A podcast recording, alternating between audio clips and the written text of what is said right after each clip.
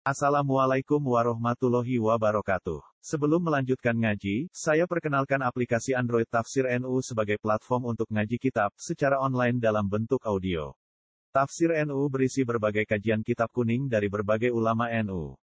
Silahkan download aplikasi Tafsir NU di Google Play Store. Link download ada di deskripsi. Wassalamualaikum warahmatullahi wabarakatuh. Orang yang tidak zuhud, tomak, tomak, ya, berapa saja kurang, berapa saja se-Indonesia pun kalau ditelan sendirian masih kurang itu. Itu namanya orang yang tomak, hasya.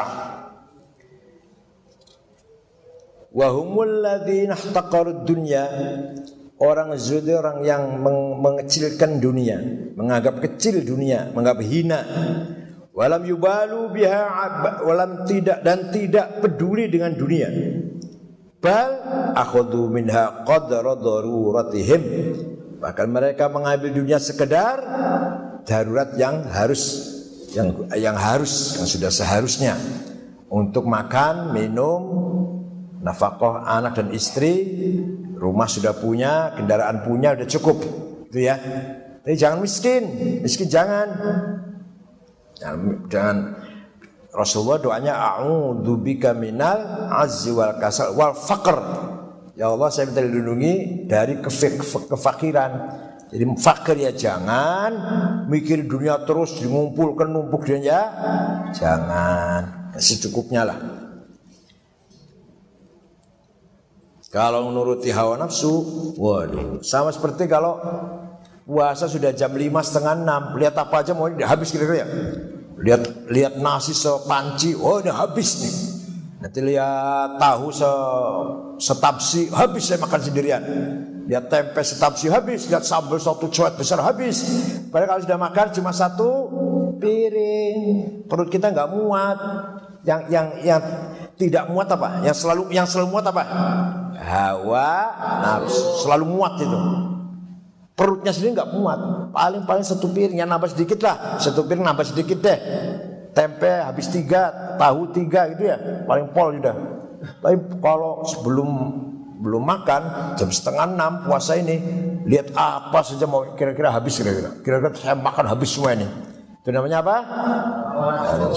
yang tidak pernah kenyang. Kenyangnya kapan kenyangnya? Takatsuru hatta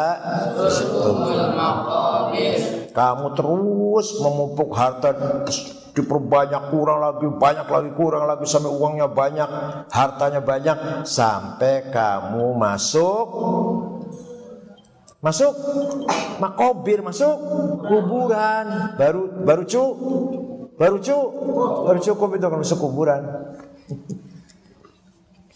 Karena semua orang, semua orang, semua orang akan mesti masuk kuburan.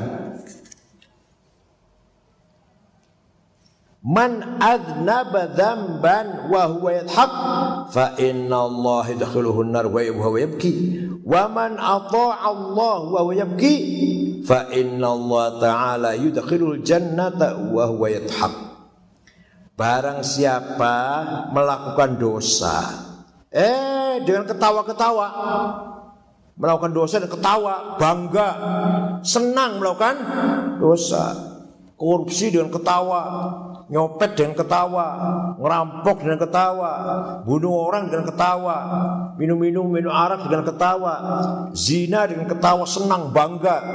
Barang siapa dosa dengan ketawa-ketawa, aywal hal annahu yafrahu bitahammulihi, dia gembira dengan sebab me melaksanakan uh, dosa itu, maka Barang siapa dosa dengan senang dan gembira, fa inna Allah taala yudkhiluhu nar wa huwa yabki. Maka Allah akan memasukkan orang tersebut ke neraka dengan dengan neraka. Ke neraka dengan na, nangis. Waktu melakukan dosa dengan ketawa. Nanti masuk surga eh masuk neraka dengan nangis.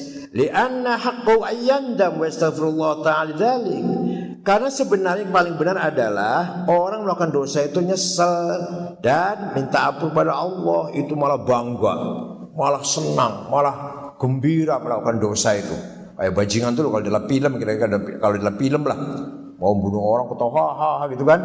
Nah, itu sama itu nanti mereka pasti masuk neraka dengan nangis. Tapi kalau kita orang mukmin, kita kita orang melakukan dosa itu menyesal enggak? Menyesal. Kemudian astaghfirullahalazim alladzi la ilaha illa huwal hayyul qayyum. Dan itu jangan hanya mulutnya tapi juga hatinya. Kok nanti mulut doang astagfirullahalazim ingatnya sambilnya dayak nantinya.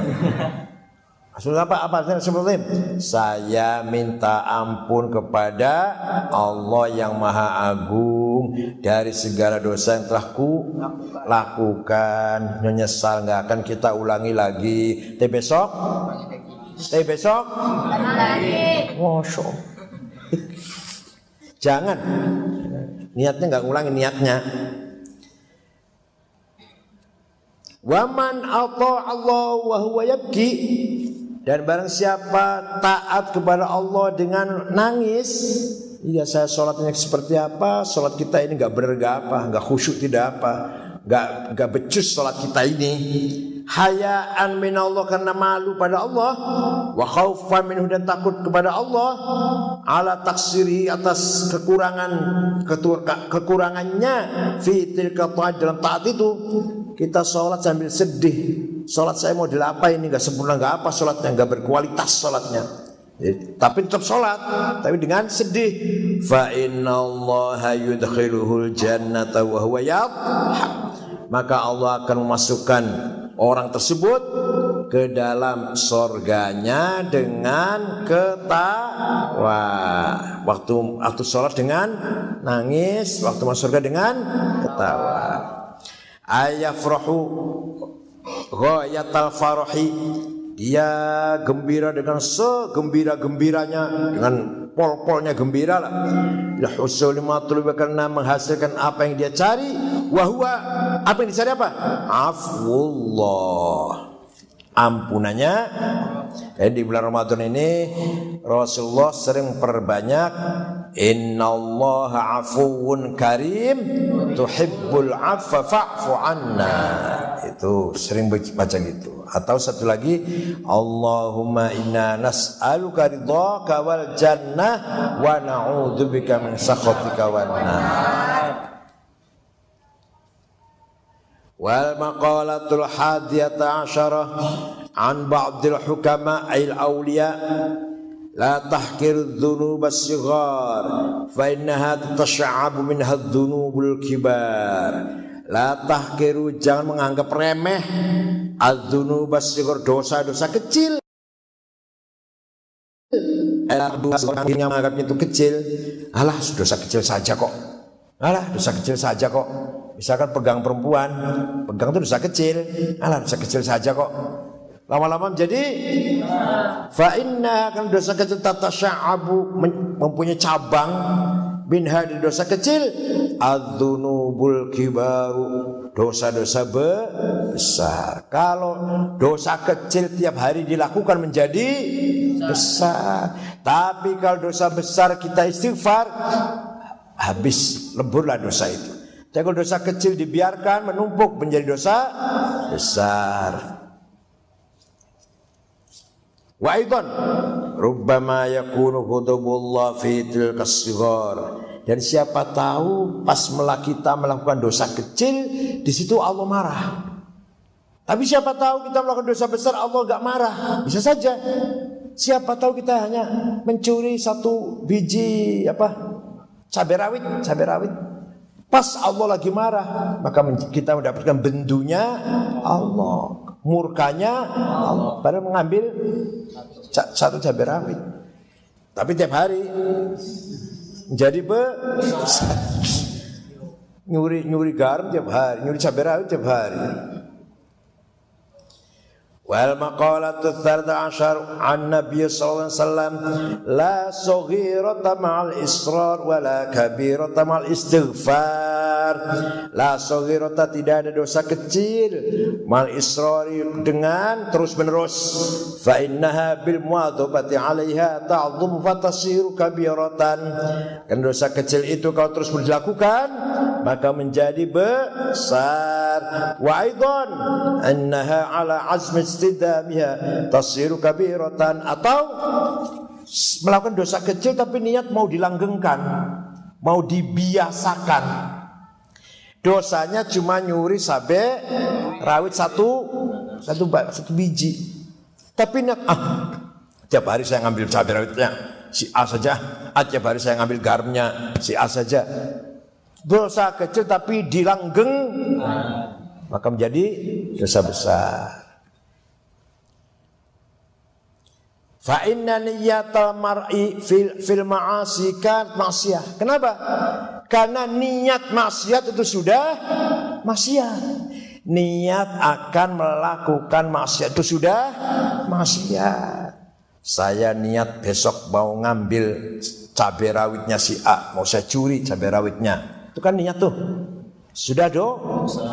Kemudian mengambil betul dosa lah maka dosanya berapa dua apalagi niat ah saya tiap hari ah mau ngambil Wah dosa terus kan niat niatnya udah dosa ditambah mengambilnya.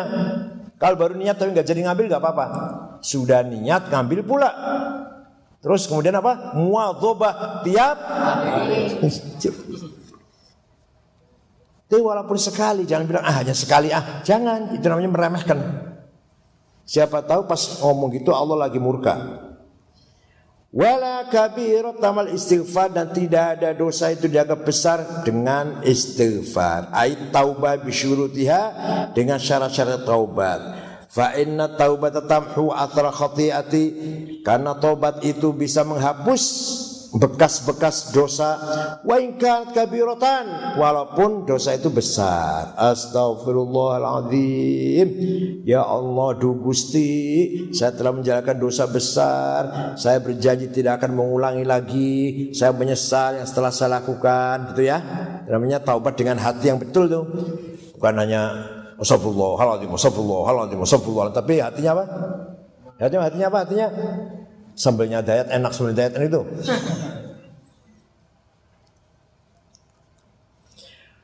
روي هذا الحديث الديلمي عن ابن عباس لكن بتقديم الجملة الأخيرة عن الأولى والمقالة الثالثة عشر قيل هم العارف الثناء وهم الزاهد الدعاء Muradul arifi targetnya orang arif billah athana memuji ala Allah kepada Allah bijamili sifati dengan sifat-sifat Allah yang baik.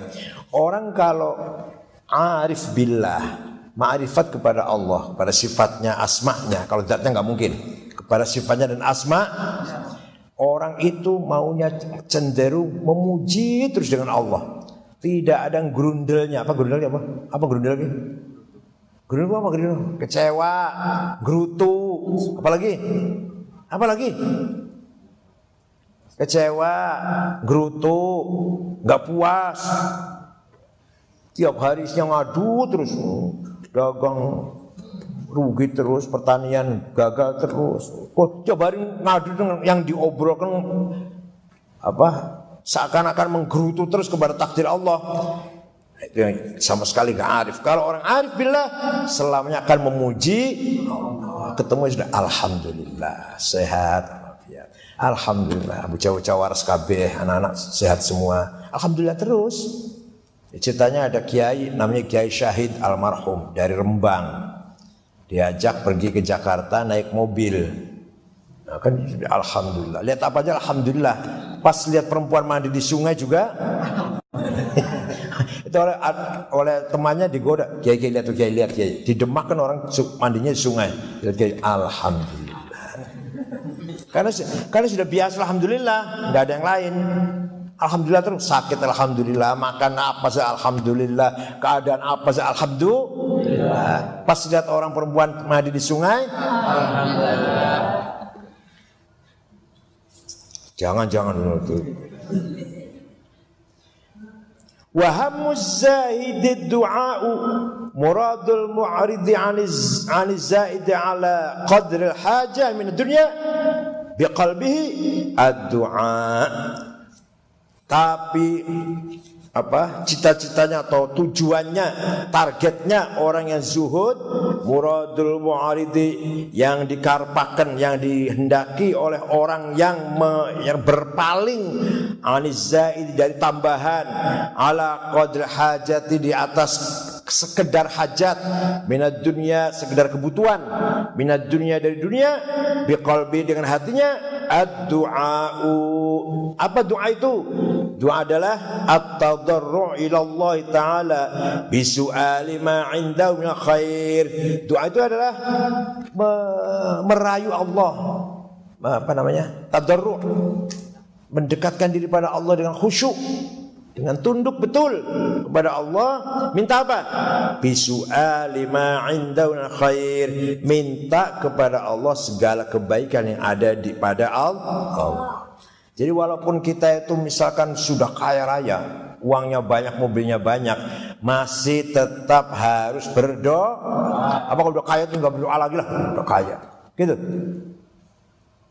Ya, kalau orang miskin, masya Allah, wakiat tiap malam 21, 41, yasin, tabarok. Waktu masih, waktu masih, eh begitu udah kaya, dah nggak kenal wirid, nggak kenal doa, nggak kenal wakiah, baraba, untung masih sholat. Untung masih sholat lima waktu. Sudah dikir-dikir sudah nggak ada lagi. Itu salah itu. Walaupun sudah kaya, tetap harus. Masa kalau udah kaya nggak berdoa? Apa minta apa? Minta sesuatu yang lebih baik yang ada di sisi Allah. Betul, saya udah punya uang, saya udah punya mobil, saya punya, tapi saya masih minta apa yang lebih baik daripada harta yang saya miliki, yang ada di sisi Allah. Itu yang diminta terus. Doa bil khair wal barakah. Lianna hammal hammal arif rabbah lathawab wal jannah. Orang yang arif itu orang arif kepada Allah itu tidak tidak targetnya bukan minta pahala bukan minta surga jadi orang arif billah itu selalu muji pada Allah dan dia tidak ada ter, ter apa terbesit terlintas pada benaknya ingin pahala dan ingin surga. Tetap beribadah tetap melakukan amal-amal soleh bukan karena ingin surga bukan karena ingin pahala. Paham nggak? Karena memang itu harus dilakukan. Kalau itu memang baik harus kita lakukan. Bukan ingin dibayar gitu gitulah bukan ingin? Bayaran seperti kamu lihat halaman kok kotor, nyapu walaupun bukan bukan tiketnya apa, bukan tiketnya, walaupun nggak ada bayarannya, nggak. Itu namanya lillahi ta'ala. Tidak karena dipuji, tidak karena masuk surga, tidak karena mendapat pahala. Wahamu zahidi. Tapi kalau orang zuhud masih mikirin dirinya, ay manfaatu nafsihi minatul jannah. Kalau orang yang tidak mengambil harta banyak-banyak, secukupnya saja, apa niatnya ayo? Niatnya apa? Ah, nanti harta yang atau kenikmatan yang akan saya minta adalah nanti di sorga. Di dunia saya ngambil sedikit aja, tapi nanti di akhir saya mau ngambil kenikmatan yang banyak. Itu artinya orang jual beli transaksi, jual jual kecil, jual sedikit lah atau jual kecil, ingin untung banyak. Jadi orang itu seperti orang jual beli transaksi. Saya nggak mau ngambil dunia banyak-banyak, nanti aja di sorga. Itu namanya orang jual beli. Kalau orang marifat pada Allah bukan, bukan. Bukan, bukan karena ingin surga, ingin bayaran enggak. Ya betul-betul lillahi ta'ala. Kenapa? Kenapa dia sholat? Kenapa dia zikir? Kenapa dia taat pada Allah? Karena memang Allah itu layak disembah, harus disembah, patut disembah, patut dipuji. Bukan karena surga, bukan. Karena memang atau gini-gini, kenapa kamu kenapa kamu menyapu halaman? Kenapa? Atau nyapu masjid? Karena masjid harus bersih, gitu loh. Karena saya ingin dapat pujian, saya dapat bayaran nanti kalau nyapu masjid. Bukan ya? Bukan ya? Begitu enggak? Eh, kok diem aja begitu tidak? Kalau nyapu masjid atau apa Atau nggak kamu ngajar nanti di rumah Nanti kalau pulang ngajar di musola Ngajar alibata, ngajar fatihah Ngajar kepada anak kecil Ayo cari apa itu? Mencari apa? Lillahi ta'ala Jangan karena bayaran Jangan karena Kalau kalau mencari bayaran ya dapatnya bayaran itu. Udah dapatnya bayaran itu. Sudah nggak ada lagi di akhirat. Kan sudah digaji sudah. Kan sudah dibayar sudah. Tapi kalau kamu mengajar alif bata atau apa atau anak kecil tajwid lillahi taala itu pun tidak minta karena tidak minta surga, nggak minta pahala, Allah akan membalas dengan sebesar-besarnya balasan, yaitu apa? Dekat dengan Allah. Fafarqun baina man himmatul hur wa man raf'us sutur. Maka sangat beda antara orang yang cita-cita ingin bidadari dan orang yang cita-citanya tersingkapnya hijab, aling-aling penghalang. Kalau orang lihat Ta'ala nanti balasnya apa? Balasnya apa? Kalau orang, orang yang melaksanakan amal soleh dengan Allah Ta'ala balasnya apa? Rafa'us sutur Rafa'ul hijab Antara orang itu antara kamu lah antara kamu dengan Allah akan dibuka tirainya akan dibuka tirainya lah hijab atau tirai itu menutupi siapa? Menutupi siapa? Kita. Menutupi kita betul. Menutupi bukan menutupi Allah, bukan. Ki antara kita dan Allah bisa kelihatan nggak? Antara kita dan Allah bisa kelihatan nggak? Karena ada tirai, ada, ada hijab tutup. Nutupi siapa hijab itu? Nutupi kita, maksud nutupi Allah. Kalau tutup atau hijab itu menutupi Allah, berarti hijab itu lebih besar daripada Allah. Tapi kalau hijab itu kita, emang iya hijabnya lebih besar daripada kita. Ya jangan bilang hijab yang menutupi Allah, jangan salah bilang gitu. Kalau ada ustadz ngomong gitu salah. Ya Allah singkapkanlah hijabmu yang menutupi engkau. Salah, salah, salah, salah. Salah. Eh, ya Allah, angkatlah atau singkaplah hijab yang menutupi kami. Itu, yang menutupi engkau. Berarti kalau yang menutupi engkau berarti yang menutupi lebih lebih besar. Enggak ada yang besar daripada Allah. Enggak boleh bilang gitu. Awas kalau ada ustaz bilang gitu. Hehehe, salah salah gitu ya. Ada ustaz berdoa gitu. Hehehe. Salah tad. wal maqalatar wal maqalat rabi'ata syata'an ba'dil hukama ayil atibba'ul qulub wa humul awliya hukama itu artinya apa dokternya hati tapi bedanya apa kalau kamu punya penyakit di badan, datang ke dokter kemauan sendiri, bayar berapapun asal sembuh. Dikatakan oleh dokter kamu ini penyakitnya jantung, senang. Terima kasih dokter. Tapi kalau penyakit hati, dikasih tahu kadang marah. Kamu ini punya penyakit takabur ini. Enggak. Kamu punya penyakit munafik ini, nifak. Enggak, enggak, enggak, enggak, enggak benar. Enggak benar. Saya bohong. Ayo, apalagi apalagi bayar sama orang yang menunjukkan malah tidak terima ditunjukkan penyakit.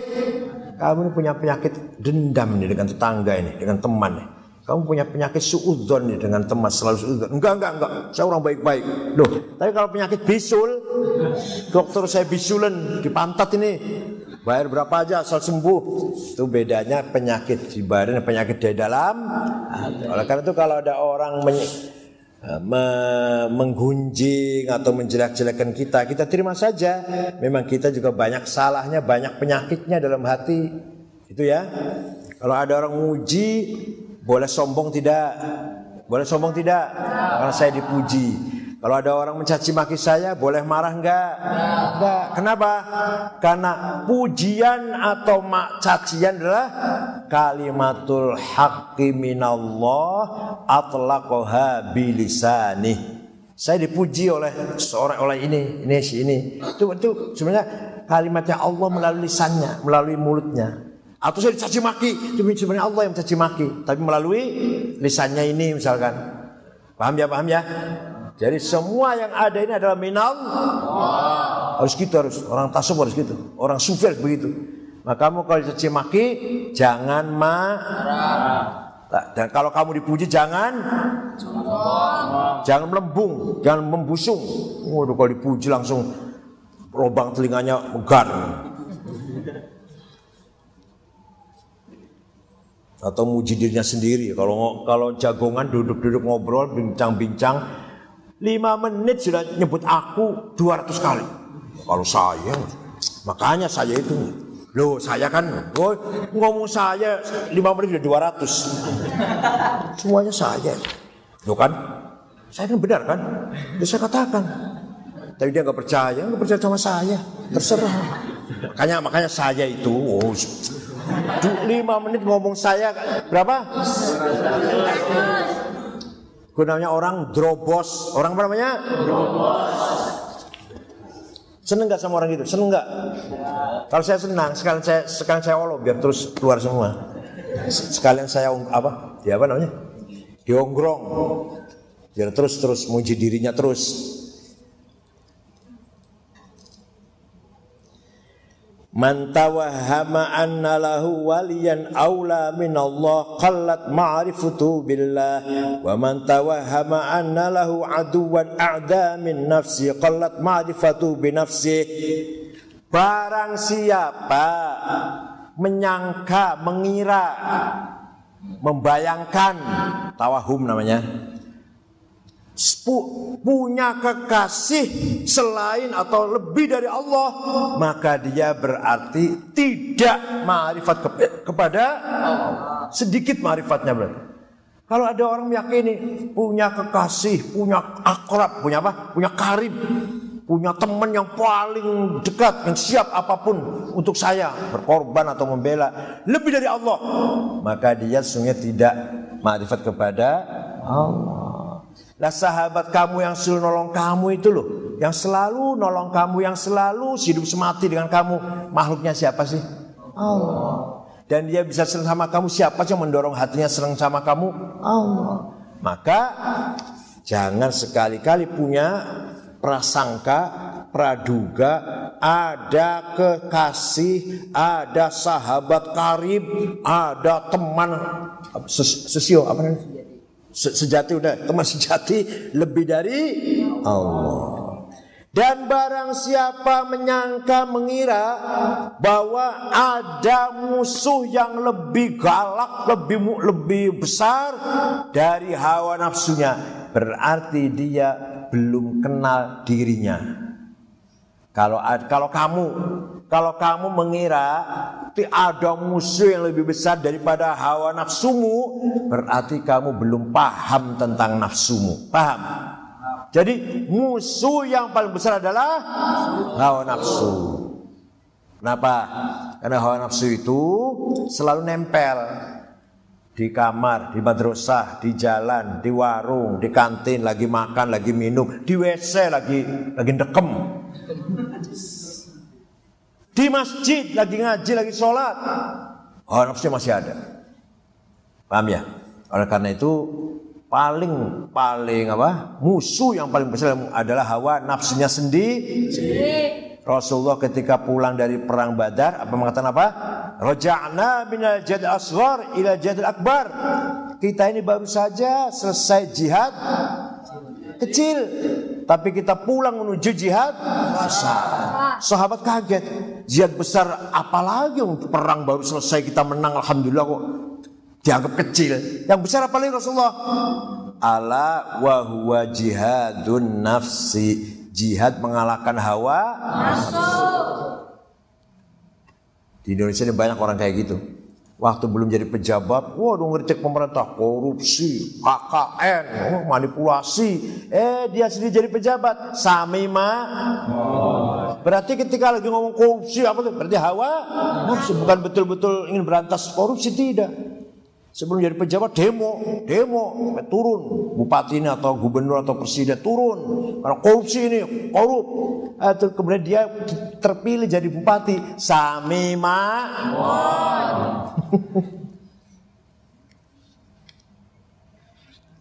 Ya, no, apa Malaysia ini Mahathir menang lagi padahal sudah 92 usianya.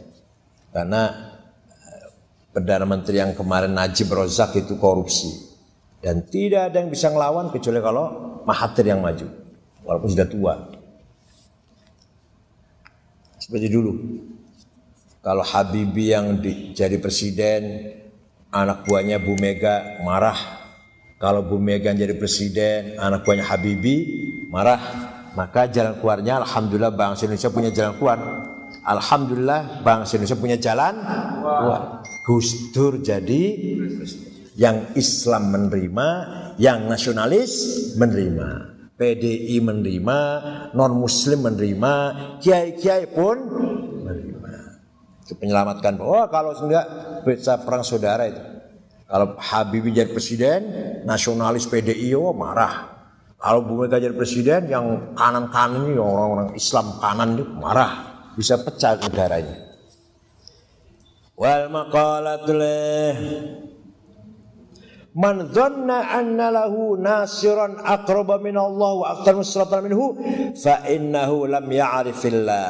Barang siapa menyangka dia punya penolong, punya backing yang lebih dekat daripada Allah dan lebih mampu menolong dengan banyak dan dengan besar pertolongannya, maka dia berarti tidak kenal Allah. Wa man dhanna anna lahu aduwan aqwa min nafsi min nafsil ammarah wal lawamah fa innahu lam ya'rif nafsahu. Dan barang siapa mengira dia punya musuh lebih besar daripada hawa nafsunya ammarah atau lawamah, maka dia sesungguhnya belum kenal dirinya sendiri. Nafsu itu hanya satu. Hanya satu nafsu itu. Hanya kalau lagi marah namanya ammarah. Kalau lagi seneng ingin mengumpulkan dunia namanya lawama. Kalau lagi baik, lagi tenang namanya tuma nina. Lah kamu nafsunya apa terserah. Nafsunya cuma satu. Tapi kalau lagi baik, stabil, normal, happy namanya tuma nina. Ditingkatkan lagi menjadi sakinah. Ditingkatkan lagi menjadi uns atau muanasah atau uns harmonis dengan Allah itu, romantis, romantis dengan Allah. Namanya uns, inas, muanasa. Gitu ya.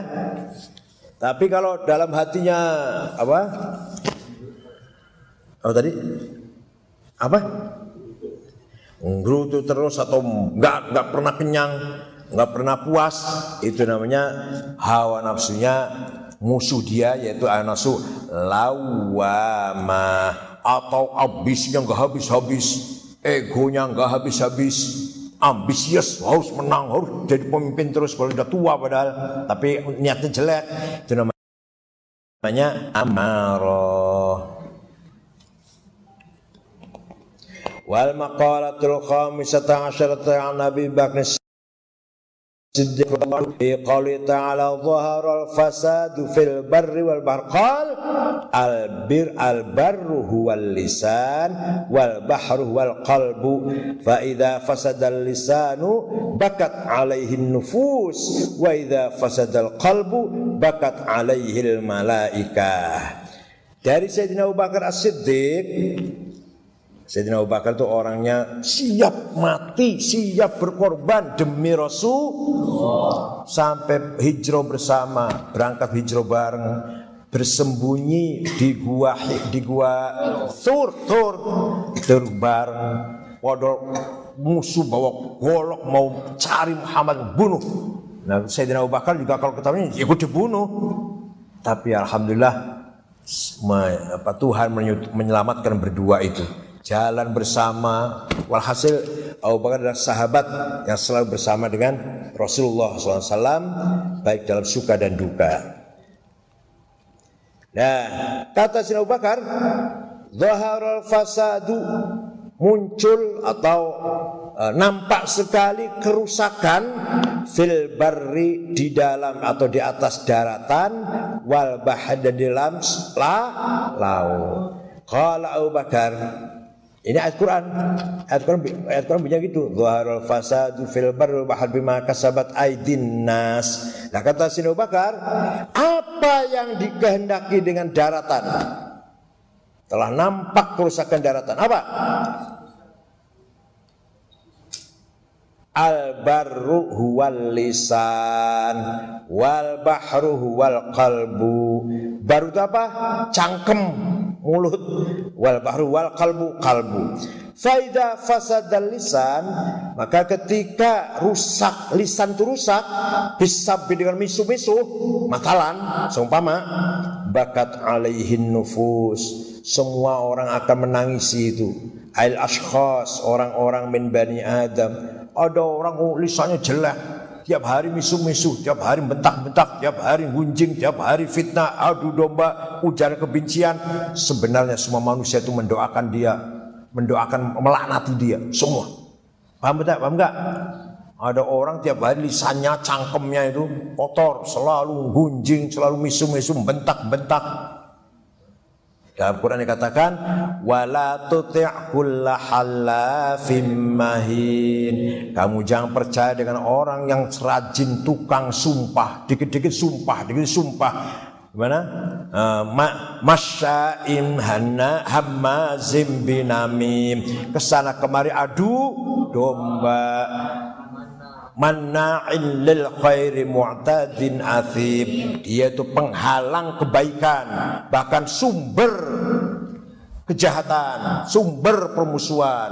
Mana khair mu'tadin yang menimbulkan permusuhan. Athim yang banyak dosa. Utulim ba'da dzalika zanim. Ini sekarang ini eranya sekarang ini. Era apa? Sekarang era, era apa?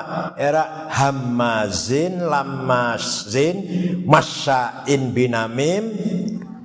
Mana khairi sekarang. Tapi bagaimana lagi Mau apa yang mau apa yang mau kita berbuat? Sudah sekarang saya kita di era seperti ini sudah.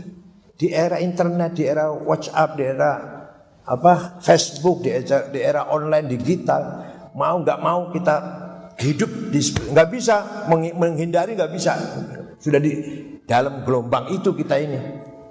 Kalau yang sudah wafat enak dah. Gustur sudah wafat Kiai sudah wafat sudah nggak mengalami dunia yang penuh dengan gonjang ganjing apa? Fitnah yang ada dalam medsos ini. Alhamdulillah Gus sudah wafat. Sudah. Cak Nur Khalis Majid sudah wafat. Sudah nggak menangi apa nggak apa? Nggak mengalami hidup seperti ini. Kita ngalamin hidup dengan Facebook WhatsApp apalagi? Medsos. Kita yang hidup hidup dengan itu. Mau nggak mau jadi. Kita nggak bisa menghindar nggak bisa lari Tinggal kita tenang aja. Kita harus tenang sa, dicaci maki ya tenang, difitnah ya tenang, diadu domba ya. Kalau dikit-dikit percaya, dipercaya, ada berita percaya. Orang goblok gitu. Percaya. Ya ayyuhalladzina amanu in ja'akum fasikum binaba'in fatabayyanu. Kalau ada berita yang belum tentu benar maka kamu harus tabayyun. Kamu harus cek Benar apa enggak berita ini? Jangan terus percaya saja. Kalau terus percaya saja, antusibu qauman bijahalatin fatusbihu ala ma fa'altum nadimin.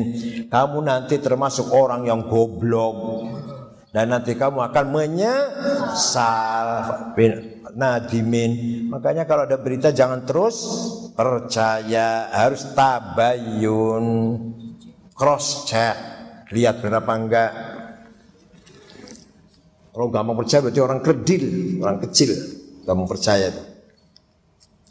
Wa idza fasadal qalbu biryai tapi kalau hati yang rusak dengan ria, pamer, matalan, bakat alaihil malaikat itu ditangisi oleh malaikat, malaikat sedih, malaikat kesedih, lihat Hati orang manusia itu pada jelek, pada kena penyakit hati, ria, takabur, sum'ah, ujub, sombong, udah gudug.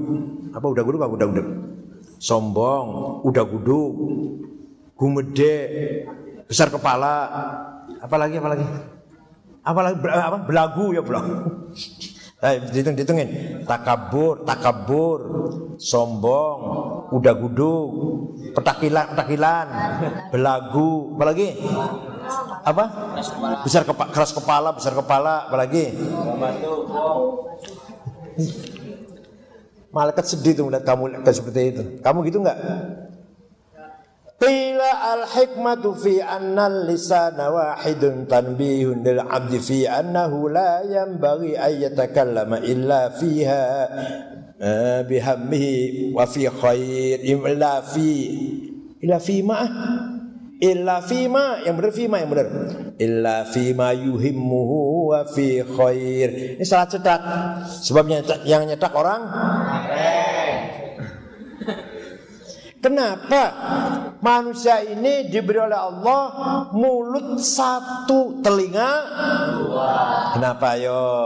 Itu hikmahnya agar manusia jangan mudah ngomong, jangan banyak ngomong kecuali hal-hal yang penting dan hal-hal yang khair yang apa yang apa? Positif, yang positif. Fima, fima jangan fiha. Fima yuhimmuhu hal-hal yang penting. Jangan ngomong Masya Allah Dari pagi pas Ini libur ya Ini, hari, ini tanggal merah ya? Libur ya? Coba lihat nanti. Dari pagi sampai duhur Ngobrol dulu gedrobos Ngomong dulu Pidato dulu isinya. Itu Mulutnya punya seratus apa? Pada Allah bikin mulut cuma satu Dia eman Mulut cuma satu Dia eman disayang-sayang Mulut cuma disayang-sayang. Kalau kalau rusak nggak ada gantinya. Kalau telinga rusak satu masih ada yang kanan. Mata rusak satu masih ada satunya lagi. Nah kalau mulut rusak, ayo nggak ada ganti. Oh, kali jangan diobral untuk ngomong. Kalau liburnya, oh gimana kalau liburnya? Udah nggak ada yang belajar, nggak ada baca Quran, saya yang terobos dulu. Mulutnya dia mana-mana. Wa qila li anna al-lisan adh-dhakir bi kulli ghatin kana wahid. Kenapa? Allah menciptakan kita mulut cuma satu. Kenapa? Karena ini karena walaupun kita zikir kepada Allah dengan bahasa masing-masing, ada yang bahasa Jawa, bahasa Sunda, bahasa Inggris, bahasa Arab, nggak semua bahasa Arab kan? Orang ingat pada Allah itu tapi yang dizikiri, yang dielingi, yang diingati berapa? Satu yaitu Allah. Maka mulut cuma satu. Itu hikmahnya. Walaupun bahasanya beda-beda, mau bahasa Sunda, mau bahasa Jawa, Madura, Batak, silakan bahasa dipakai untuk zikir pada Allah. Ya Allah berilah rezeki kepada saya. Gimana bahasa Sundana? Sundanya gimana? Ya Allah, abdi teh, hoyong gitu ya.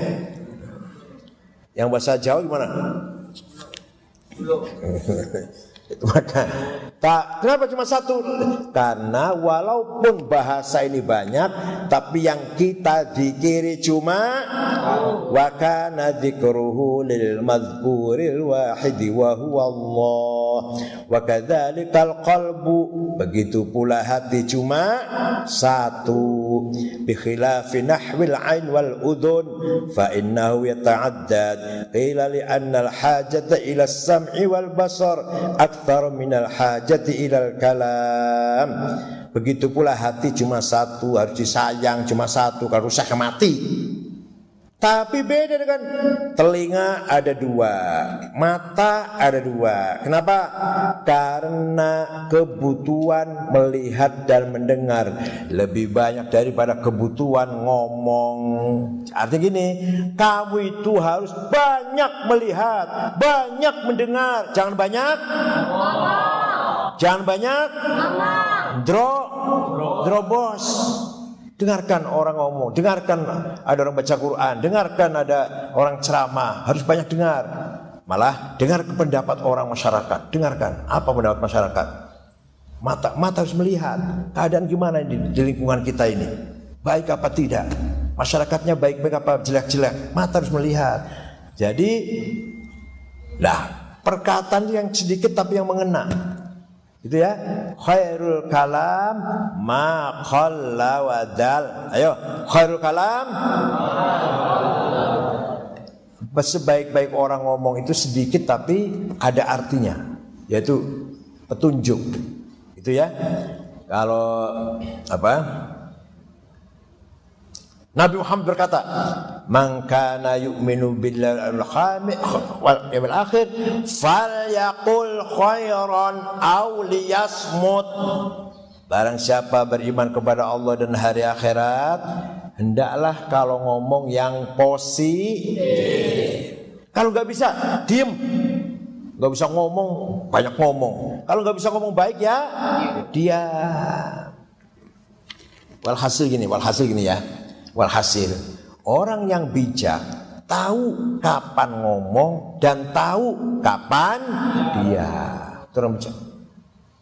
Duduk misalnya rame-rame di sini. Ada orang tuh kadang di tempat duduk rame itu ada satu orang ngomong terus yang lainnya diem semua. Ada kan ada ya? Ada ya? Saya kalau punya tamu tuh kadang tamu banyak nih. Ada satu orang ngomong terus. Ya dianggapnya dia sendiri yang boleh ngomong, yang lain harus pendengar. Yang lain harus kamu jadi pendengar, saya saja ngomong. Itu berarti tidak bijak namanya. Bukan orang bijak.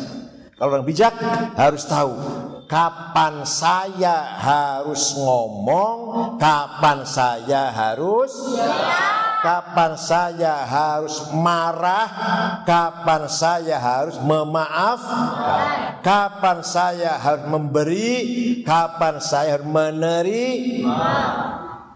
Terus dan seterusnya dan seterusnya. Dan seterusnya dan seterusnya. Wa inna ma syubbihal qalbu bil bahri li syiddati umkihi wa Kenapa hati kok diupamakan laut? Karena hati itu sangat dalam dan hati itu sangat luas seperti lautan. Al-Fatihah.